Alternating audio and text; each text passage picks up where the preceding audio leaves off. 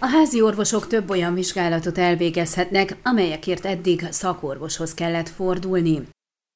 Csütörtökön lépett érvénybe a számos újdonságot tartalmazó új keretszerződés, amely az egészségügyi ellátás kritériumait határozza meg a következő egy évre. Az új szabályozás fő irányelvei között a betegség megelőzés, a bürokrácia csökkentés áll, ugyanakkor előtérbe kerül azoknak az intézkedéseknek a bevezetése is, amelyek révén hosszabb távon csökkenthető az indokolatlan kórházi beutalások aránya, és növelhető az alapellátásban és járóbeteg ellátásban nyújtott szolgáltatások száma, vázolta Dudati Hamér.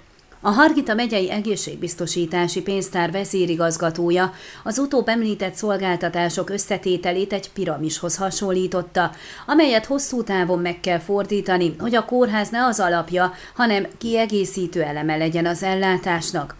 Ehhez persze meg kell erősíteni a járóbeteg rendelést, azaz a házi orvosi és szakorvosi, illetve a klinikai szolgáltatások rendszerét. A piramis megfordítására azért van szükség, mert számos szolgáltatást, amely korábban beutalást tett szükségessé, már el tudnak végezni az alapellátásban.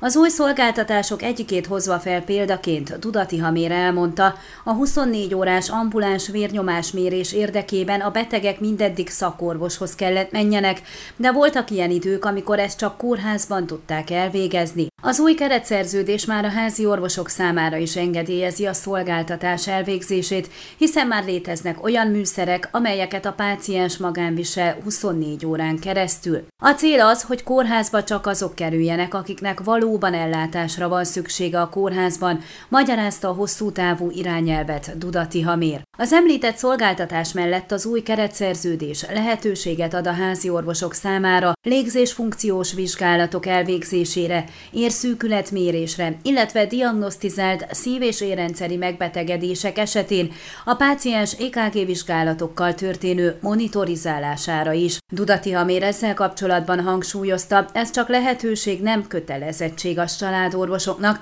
Ha rendelkeznek ilyen műszerekkel, végezhetnek ilyen szolgáltatásokat a biztosítási rendszeren belül, de senki nem kényszeríti őket eszközbeszerzésre. Az új keretszerződés növeli a házi orvos által elvégezhető otthoni konzultációk számát is. A korábbi szerződés évente négy ilyen konzultációt engedélyezett minden krónikus beteg esetében, az új havonta lehetőséget ad az otthoni konzultációra. Ezzel egyidejűleg a kismamák esetében egy újabb otthoni konzultációt vezettek be a szülés után négy héttel. Az új keretszerződés a megelőző szolgáltatásokhoz is nagyobb hozzáférést ad.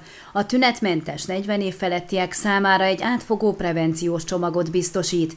Ez három konzultációt tartalmaz, amelynek része a kockázatértékelés, a páciens egészségét veszélyeztető rizikófaktorok és az életmódból fakadó kockázati tényezők megállapítása, illetve a páciens állapotának utánkövetése. Azért, hogy az említett kategóriába tartozók hozzáférjenek a házi orvos által javasolt kivizsgálásokhoz, az egészségbiztosítási pénztárral szerződéses viszonyban áll álló szolgáltatók a szerződés értékét túllépve is elvégezhetik ezeket. Az egészségügyi rendszerben egyes szolgáltatások esetében állandósítják a járványhelyzet miatt bevezetett távkonzultációt is. A krónikus betegek számára a házi orvosok és szakorvosok is biztosíthatnak távkonzultációt, ugyanakkor ez érvényes a pszichiátriai konzultációkra és logopédiára is. A koronavírus fertőzésen átesett páciensek egy részénél tapasztalt hosszú távú hatások miatt a tüdőgyógyász és kardiológus szakorvosok felírhatnak a pácienseknek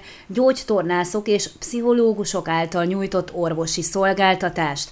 Az új keretszerződés ugyanakkor lehetővé teszi minden biztosított számára azt is, hogy a pénztárral szerződéses viszonyban álló magánklinikán kezeltesse magát, úgy, hogy a költségek egy részét megtéríti a biztosító.